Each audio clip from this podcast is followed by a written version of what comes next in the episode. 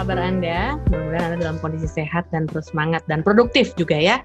Ada saya Titi di podcast Ukuran Jakarta yang terus akan menghadirkan tamu-tamu yang bisa membuat Anda melihat dari insight yang berbeda. Dan kali ini ada hmm, si cantik Lala, Carmela. Hai. Halo, apa kabar? Baik, baik. Apa kabar semuanya di sana? Baik, lagi di rumah ya? Iya, lagi di rumah. Hmm, nah, uh, gimana nih kegiatan-kegiatan yang tertunda semasa COVID-19 ini, Lala? Um, saat ini um, untuk manggung-manggung memang nggak ada ya, hmm. dan um, semuanya kan udah berubah ke online hmm. nih. Ya. Tapi juga sebenarnya juga ya bisa dibilang nggak sama lah ya aktivitasnya hmm. gitu. Hmm. Jadi saat ini aku memang ngisi aktivitas aku dengan hal lain Mm-hmm. Um, hari ini aku uh, saat ini aku juga sekarang um, mencoba ranah baru, mm-hmm, uh, yaitu, mm, jadi sekarang aku juga masuk ke bidang finance technology. Oh oke. Okay. Aku menjadi ya aku menjadi head marketing untuk sebuah perusahaan aplikasi, mm-hmm. um, aplikasi investasi. Mm-hmm. Oh ya, oke oke. Ya. Uh, tapi selain itu aku juga masih bikin lagu, aku juga hmm. masih ada project yang berhubungan dengan musik. Mm-hmm. Tapi untuk mengisi, mengisi waktu aku juga, aku try new things dan emang aku anaknya suka belajar hal baru. Jadi um, itu yang sekarang lagi berjalan. Mm-hmm. Oke. Okay. Bicara mengenai hmm, seorang Lala Carmela yang, aduh, sebenarnya kita semua pada taunya sebagai uh, entertainer lah ya, bisa macam-macam gitu kan ya. Tapi merambah ke uh, investasi, berarti fintech ya, seperti itu ya. Itu gimana ceritanya kok bisa? um, ya um, kebetulan abang aku dia juga di bidang finance technology. Jadi kita sering ngebahas, ngobrol-ngobrol dan kayak buat aku memang um, saat ini kan masih banyak orang yang nggak tahu tentang investasi dan kebetulan hmm. perusahaan yang di mana aku bekerja sama ini mereka hmm. punya platform yang menurut aku bisa menjadi apa ya solusi untuk orang-orang tahu tentang investasi. So ini menarik perhatian aku dan uh, sebenarnya kan aku juga punya beauty clinic yang di mana aku juga sebagai head marketingnya hmm. Dan karena itu akhirnya aku dapat um, kesempatan ini untuk coba memarket sebuah uh, platform aplikasi investasi. So aku emang anaknya suka challenges, aku suka hmm. hal baru dan emang bidang hmm. ini selalu menjadi sesuatu yang menarik bagi aku. Hmm. So uh, itu deh lagi aku lakukan. Ya, kalau aplikasi uh, investasinya uh, boleh tahu nggak apa? Nggak apa-apa sih. boleh, ya, kita, boleh, boleh. Kita penasaran loh, bisa menggait boleh, hati seorang Lala Carmela. Ah, gimana? Boleh. Um, namanya Raise. Oh, oke, okay, oke. Okay. nah, Raise, uh, S R A I Z. Raise gitu ya. Nah, uh, apa namanya? Uh, pasti beda lah ya uh, dari dunia uh, entertainment ke office gitu kan ya, bekerja hmm. beneran. Berarti kalau di masa pandemi ini berarti uh, apa? Uh, kerja dari rumah atau seperti apa? Ya, ini tetap kerja dari rumah, tetap kerja dari rumah um, aku paling ke kantor aku itu kayak tiga kali seminggu. Tapi mm -hmm. untuk saat ini karena kantornya di SCBD, mm -hmm. everyone dipulangkan and mm working from home karena SCBD jadi lagi zona merah kan. Ya, ya, ya, ya, ya, ya. Oh, oke, okay, oke, okay, oke. Okay. Apa sih uh, yang jadi perbedaan yang paling mendasar antara menjadi seorang Lala Carmela yang publik kenal dengan Lala Carmela yang sekarang ternyata mencoba sesuatu yang baru? masih sama aja sih sebenarnya aku emang uh, tetap uh, Lala Carmela yang orang tahu lah. Aku karena emang dari dulu juga walaupun menjalani musik aku, yeah. um, ketika aku tahu ada waktu di mana aku bisa menggunakan waktu itu dengan baik, I try mm -hmm. to do something new, challenging, terutama yang bisa ngasih aku new knowledge. Jadi waktu itu juga pas satu aku lagi jalanin karir aku, pas satu aku lagi uh, bikin album aku yang keempat, yang terakhir, yang judulnya Solina. Ya. Itu aku juga sambil nyambi kuliah. Jadi aku kuliah lagi, aku ngambil hukum waktu hmm. itu. Oke. Okay. Nah, ya. Terus terus terus.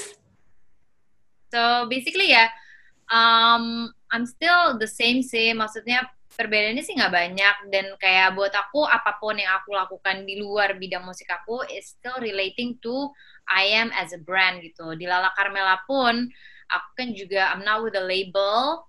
Aku juga manajemen aku aku yang run pribadi dengan ya tim aku gitu dan kita sama-sama mikir, mikirin gimana untuk selalu bisa maintain developing brand Lala Carmela untuk tetap sustain in the entertainment industry. Jadi um, aku juga make strategy on my own how to um, make sure brand aku Lala Carmela ini terus mm-hmm. berjalan dan terus mm-hmm. um, ya lancar lah di dunia entertainment gitu. Oh gitu. Ada banyak pilihan, misalnya MBA, kemudian ya banyak lah. Kenapa hukum akhirnya dipilih oleh seorang Lala Carmela? Ya, yeah, so hukum sebenarnya sesuatu yang memang um, udah interest aku dari dulu dari awal aku kuliah. Sebelumnya aku kuliah di Universitas Universitas Indonesia aku ngambil English Studies diploma waktu itu aku pengen lanjutin ke hukum but saat itu aku dapat opportunity untuk rekaman di Filipina bersama Warner Music hmm. so karena juga music is a big part of my life dan aku hmm. pikir saat itu opportunity mungkin nggak knock twice so I went for it gitu jadi aku di Filipina hmm. selama tiga tahun aku rilis album di sana bareng hmm. Warner hmm Terus aku establish myself as a singer di sana sampai mm-hmm. akhirnya aku balik lagi ke sini tahun 2010. Mm-hmm. Ya, yeah, so coming back here, aku lanjutin musik aku dengan Sony Music. Uh, tapi waktu itu aku udah gemes tuh, pengen kayak belajar lagi. I don't know why studying is something that I like gitu. So saat itu aku ngeliat ada waktunya. Akhirnya I use my day to go back to school dan aku milih hukum karena memang I've always been intrigued with law karena law is something yang bisa di-apply ke segala bidang and is very close to our daily lives especially in my career juga sangat sangat um, ini ya very close karena ya Lala Karmel deals with a lot of contracts yeah, yeah, yeah. and a lot of deals dan kadang-kadang this entertainment world di mana hukumnya masih agak-agak uh, bilang nggak nggak ada yang ketat gitu ya mengatur mm-hmm. so I have to really be precautious in delivering and earning my rights gitu ketika mm-hmm. melakukan pekerjaan ini. Hmm, wah, kayaknya kalau misalnya penjual pizza bilang pilihan yang tepat sekali. oh, okay. ya. uh, bicara uh, tentang uh, apa uh, kita lihat di sini kalau di YouTube itu seorang Lala Carmela tuh suka lagu uh, beberapa sih ya, apa cover lagu-lagu yang jadul-jadul. Emang suka banget ya lagu tahun 90-an, bahkan ada yang 80-an kayaknya deh. Ha, gimana sih? Ya, jadi um, kalau misalnya dengan musik itu kayak papaku kan dia musisi ya pas satu dia hmm. muda. So dari aku kecil tuh papaku tuh udah sering banget ngasih denger lagu-lagu yang um, berawal dari Beatles sampai Earth, Wind and Fire, oh, okay. Wonder, Bee Gees gitu. Itu kayak makut asupan aku pas kecil banget uh-huh. gitu. Dan growing up, kakakku juga yang paling tua dia seorang musisi dan dia yang introduce aku ke 90s music kayak Radiohead, mm-hmm. Oasis, Blur dan dari situ aku develop my sense of music uh, dan apa yang membuat aku ngerasa this is my genre gitu dan mm-hmm. waktu itu I fell in love with Alanis Morissette, Lisa okay.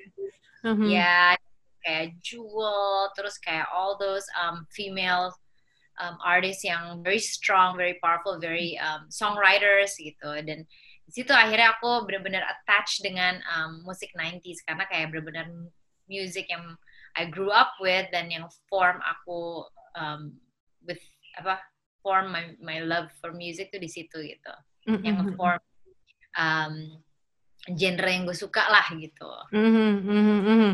Nah uh, kalau uh, bicara mengenai uh, musik solang Lala Carmela gitu ya, itu uh, tiga deh tiga tiga musisi yang paling menginspirasi dalam bermusik. Hmm. Um, Oke, okay, aku yang paling Oh baik banget itu saya. I would say kayak Alanis Morissette itu impactnya besar banget di aku. Oke. Okay. ya itu yang benar-benar kayak nge-push aku untuk uh, feel the love of making a song karena juga dia very beda ya juga saat itu mm -hmm. gitu dan juga cara performnya dia itu yang buat aku kayak pingin manggung gitu.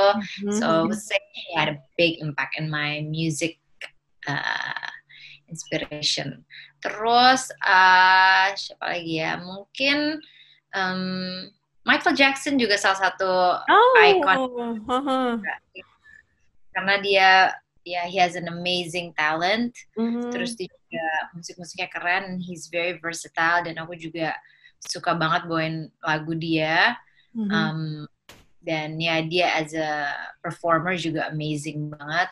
Banget. Terus um, satu lagi musisi yang selalu menjadi inspirasi buat aku adalah my dad actually papa aku mm-hmm. karena itu kayak real life musician yang aku lihat dan I grew up with gitu ya. Papaku mm-hmm. yang aku suka adalah um, he's a musician by heart walaupun dia mm-hmm. had to do other things and had to sacrifice his love for music untuk mm-hmm. bekerja dan akhirnya membangun keluarga ini gitu he mm-hmm. still had music selalu kuat di dalam diri dia tiap hari minggu dia pasti kalau nggak main piano main gitar atau nggak kayak dia mainin mm-hmm. lagu-lagu atau kadang-kadang aku bahkan sampai hari ini suka ngeliat dia masih ngulik gitu lagunya Paul McCartney gitu dan buat aku itu it's, it's a mm-hmm. big inspiration jadi kayak kadang-kadang kan aku dapat pertanyaan kayak musik atau acting atau kayak udah sekolah hukum atau, atau musik kayak dia yeah, yeah, yeah. yang Iya kan, dan dia selalu kayak dekat my dad gitu. Aku yeah. percaya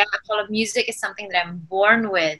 Mm-hmm. Jadi kayak mau aku melakukan apa pun, music will still be something yang ada di dalam hidup aku. I breathe it. I I apa ya? I, I always make music tempat di mana aku feel um, a language of my soul atau kalau aku ngerasa apa pun yang aku rasain I fall back to music gitu jadi kayak music is something that I am born and I will die with music itu walaupun aku di luar karir aku dalam bermusik aku melakukan hal lain Hmm, hmm, Uh, waktu dulu ya kita tuh uh, sempat Indonesia tuh suka banget yang namanya Christian Bautista dan Lala Carmela melakukan kerja sama dengan bapak itu ya kan? Gimana waktu itu? Uh, uh, uh, bisa cerita nggak?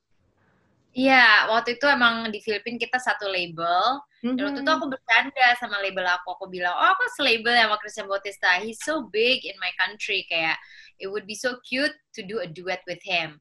Mm-hmm. Terus uh, ternyata label aku bilang, oh itu bisa diatur gitu. Gue pikir kayak mereka cuma ngemeng doang ngomong gitu karena tahu kan bapak yang satu itu kan sibuk banget. Iya iya iya. One day, one day gue lagi di coffee shop gue inget banget. Terus ada yang nelfon, mm-hmm. ada yang nelfon. Terus gue minta tolong temen gue angkat, gitaris gue actually. Mm-hmm. Angkat terus habis itu dia bilang, um, from who? Christian gitu. Terus kayak oke. Okay terus kayak dia ngasih gitu ke aku ini Christian Christian. Kayak Christian siapa sih? Gitu. Terus gue kayak uh, ini siapa ya? Gitu. Who is it? Christian I just heard the song that we're gonna sing together. Hah aku masih nggak ngeh gitu. Hah? Siapa sih? Eh Christian Bautista. Oh ya?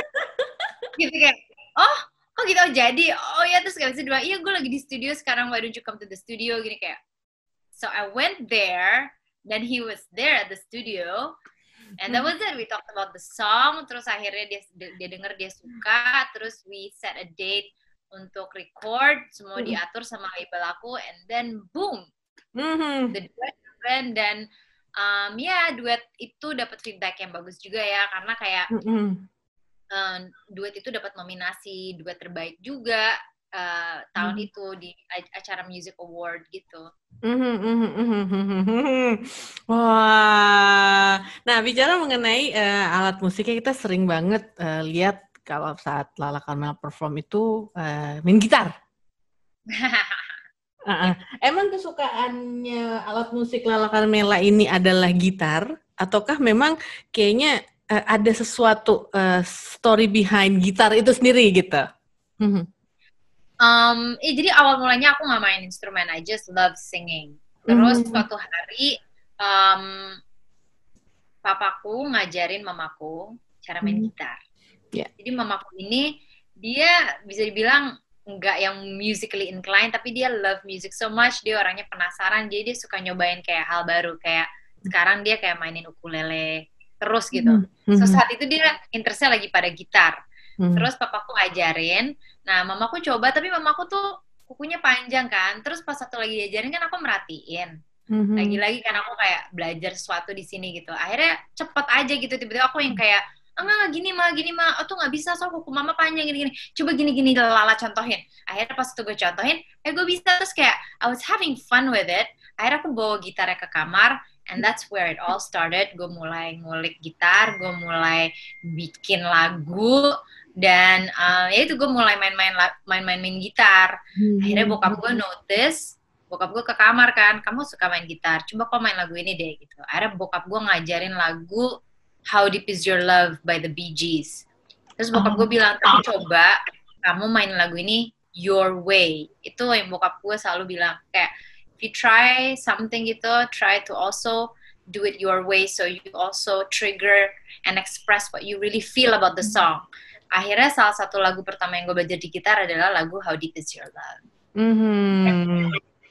Biji. dari situ saya main gitar. Wah. Oh, gitu. oke. Okay. Ngomongin biji sebenarnya kayak tahun 94 kalau nggak salah Tech Z juga uh, kayaknya nyanyiin How Deep Is Your Love itu tapi lebih lama lagi kak uh, kalau biji tahun nah, iya. an ya. Mm.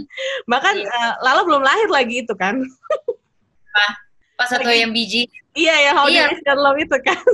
Iya dong. Belum sih. Belum ya, semoga nggak tahu deh kalau misalnya mereka ngeluarin lagunya sebelum 85 berarti. Iya, 85 belum, belum, belum. Kayaknya tahun 78-an deh. Iya, iya, iya, iya. Uh, seru sekali ya kalau so uh, kalau bicara soal musik. Tapi kalau ditanya, disuruh memilih nih, ternyata karena sehari kita cuma punya 24 jam. Prioritas selalu ada. Mm -hmm. Apa pilihan? Kalau misalnya, misalnya gitu kayak um, karena gitu ya gue tuh nggak jadiin musik sebagai pilihan mm. kecuali berhubungan dengan kerja yeah. karena kalau kerja itu kan gak hanya mengikat diri gue tapi mengikat pihak lain mm. gitu. tapi kalau misalnya buat waktu buat musik um, selalu selalu mewarnai hari-hari gue aja gitu mm-hmm. dan kayak sebelum gue tidur gitu kayak gue pasti dengerin musik untuk ease my mind atau untuk mm -hmm. mungkin kayak just um, find inspiration gitu. Mm -hmm. Nah tapi kalau misalnya uh, gue lagi dalam periode gue lagi nulis lagu atau gue lagi pingin nulis lagu kadang-kadang kan ada keinginan kayak I wanna write a song gitu. Mm -hmm. Jadi gue dedikasiin tuh jadi kayak hmm, gue dedikasiin kayak dalam waktu gue dalam sehari gitu itu khusus untuk gue untuk mm -hmm. bikin lagu untuk untuk nulis lagu untuk fokus mm -hmm. kayak nyari inspirasi lagu and I shut myself from the world gitu mm -hmm. dan itu gue juga pilih waktunya di saat emang gue kayak bisa fokus myself to it gitu jadi mm -hmm. semuanya bisa di manage sih sebenarnya time-nya gitu tapi kayak um, dari awalnya mindsetnya adalah I don't make music as a as a choice gitu karena music is just a big part of me mm-hmm. it's a it's everywhere menurut aku gitu. Kayak mm-hmm. I can get inspired about music nggak hanya dengan lagi dengerin musik. Kayak misalnya when I'm traveling I can also kayak hear sounds or feel something. Itu bisa inspire me in writing a song. So, mm-hmm. so yeah music is not again it's not it's not an option. It's something that I'm born with. I debit is a big part of me aja gitu. Aha, aha bicara mengenai musik sekali lagi ya, ini kayaknya seru banget nih. Sekarang tuh emang uh, dulu kita tahu kaset, kemudian pindah yeah. iya kan kaset kita pakai pulpen tuh diputer apa iya. segala macam. Sekarang sudah berubah. Dulu hanya label-label besar yang menguasai pasar. Secara distribusi dia lebih oke okay, ya kan. Tapi kalau sekarang kalau dulu makanya sampai ada yang namanya musik indie kalau Lala masih ingat. Iya. Yeah. Nah, kan sekarang udah sangat berubah nah. gitu kan ya. Nah. Gimana menurut uh, aja udah udah kayak begitu ya. Maksudnya kayak I think the the the the term indie is now very different. Ya. Yeah. Gitu. Mm -hmm, mm -hmm. Yeah. Kalau Al sendiri melihatnya, ha, gimana? Huh? Maksudnya gimana? Maksudnya Kalau, gimana cara? Ya. Iya melihat dari karena Lala kan istilahnya dari dulu juga sempat uh, melihat gitu loh perjalanan musik kita nih anak-anak ya. lahiran tahun 80 yang ngalamin yang namanya uh, kaset, CD, kemudian era digital dulu dulu yang namanya uh, apa namanya itu hak cipta dianggap sepele pada saat digital ini booming pertama kali. Sekarang oh hati-hati kalau misalnya mau pasang-pasang sesuatu di YouTube dan sebagainya gitu kan. Nah, lebih lebih lebih dihargai lah seperti itu. Gimana menurut Lala? Iya, yeah, um, I think ini juga kayak dengan kemajuan teknologi saat ini itu kayak merubah kayak game changer banget ya sekarang kayak everything can be controlled by ourselves juga mm-hmm. kita nggak harus depend on a third party untuk melakukan mm-hmm. untuk melakukan kayak penjualan musik kita untuk mempromosikan mm-hmm. musik kita gitu jadi kita kayak have more bargaining power for our mm-hmm. rights towards the project atau towards the karya yang kita ciptakan mm-hmm. karena kita nggak relying on pihak ketiga mm-hmm. Anymore saat ini gitu Mm-hmm. So it's good sih makanya kayak everybody is now uh, going independent or going on their own platform karena bisa dibilang sekarang platform uh, seorang musisi bisa lebih gede daripada mm-hmm. um, apa yang bisa dicapai juga oleh para label gitu. Mm-hmm. Karena sekarang kan like uh, viewers, followers, listeners itu kan udah bisa go and get connected with the hmm. artist itu secara langsung lebih dekat lagi gitu nggak perlu hmm. membutuhkan suatu media lagi you don't need now TVs wake up like early morning do lip sync and do stuff hmm. like that to promote your song you don't need to do that you just can open your Instagram la la la la sing it whatever upload it done and then your viewers will see it gitu yeah, yeah and yeah. they can over and over again in your own platform gitu. Mm-hmm. So juga sekarang ada YouTube and everything and YouTube juga udah bikin uh, skema di mana the artist itself can earn. So that's great kan. That's why ya yeah, sekarang everybody's going independent. So um, mm-hmm. tapi I do feel kayak juga yang nggak bisa yang nggak terapply lagi adalah faktor hoki. Like dulu kan kayak oh iya faktor hoki bla bla gitu-gitu. For me sekarang um, anybody yang ngeluarin musik di saat ini itu udah mendapat hoki, udah mendapat privilege, udah lucky karena now you can spread your music or anything you make in one click, you know, and then like a, a second after that udah bisa didengar oleh orang. People don't have to go to the cassette store, the CD store anymore kayak gitu dulu. Yeah. Ya kan? Kalau kita oke okay, musiknya keluar hari ini tapi mungkin baru bisa hari minggu ke ke ke toko CD-nya beli CD-nya yeah, itu yeah. kalau nggak habis gitu kan kalau sekarang enggak gitu yeah, yeah, yeah. everybody everybody right now jadi kayak kalau misalnya ada pertanyaan kayak kalian bisa make it saat ini karena faktor mm -hmm. hoki nggak kayak ya bisa dibilang iya we are lucky to be born in this era with the situation right now gitu mm-hmm. karena mm-hmm. um, before kayak a lot of artists didn't have that privilege unless they're lucky ya they went out and were established di time yang tepat gitu. Then that's for hockey dulu can be applied. But now I think everybody is lucky. Is just now depending on how they work hard uh, on on how hard they work in promoting um, project mereka atau karya mereka dan how well they they maintain their um, existence dengan mereka me-update terus their social media mm-hmm. and how they engage dengan mm-hmm. um, followers user apa uh, followers dan listeners fans mereka gitu. Mm-hmm, mm-hmm. Karena kalau bicara mengenai uh, label Lala juga di label besar kan, ibaratnya dulu bikin lagu, bikin album dua tahun baru jadi gitu kan ya. ya maksudnya kayak hmm. kalau misalnya dulu label besar maksudnya pengalamannya adalah karena mereka kan kayak uh, entity yang besar and they have to think in a business point of yeah. view gitu dan um, makanya mereka juga try to play the safest game yeah. makanya kayak pakai template sehingga yeah. template itu di ke semua um, artisnya yang sebenarnya itu hmm. nggak bisa dilakukan and then they try to make extra money dengan menjadi manajemen juga yang itu juga menurut aku udah salah karena ada conflict of interest jadi kayak uh, susah gitu emang zamannya pas waktu gue di label susah dan makanya banyak banget dulu artis yang komplain kan di label gitu. But ya yeah, have to understand also from the label's point of view. Makanya sekarang udah nggak perlu ada konflik seperti itu. Dan sekarang yang aku tahu adalah labels juga udah improve improve on how they uh, deal with their artist gitu. Mereka hmm. benar-benar menggunakan data yang ada and they they do this um, buat aku tuh penting banget supaya they don't have to rely on templates anymore they really know apa audience-nya apa yang audience mau dari artis mereka so they can put you know the creativity mm-hmm. at the center gitu. Mm-hmm. Yang jelas semuanya itu uh, sesuai dengan artisnya gitu ya, bukan sesuatu yang besar lagi, tapi sekarang artisnya uh, artisnya maunya gimana pasti ada pasarnya gitu kan kayak kayak Lala Carmela nah, dari jadi tergantung dari pasarnya ini mau dari artisnya apa ya, ya kan terus ya. ya terserah nih mau make money kalau make money ya pasar lo maunya gini yeah. tapi kalau mau tetap idealis dan ya udah tetap idealis jadi it gives an option to the hmm. label uh, to have a reason mm-hmm. whether to garap this artist or not gitu yeah, yeah. based on real data Ya, ya, ya, ya. Oke Lala, terima kasih atas waktunya.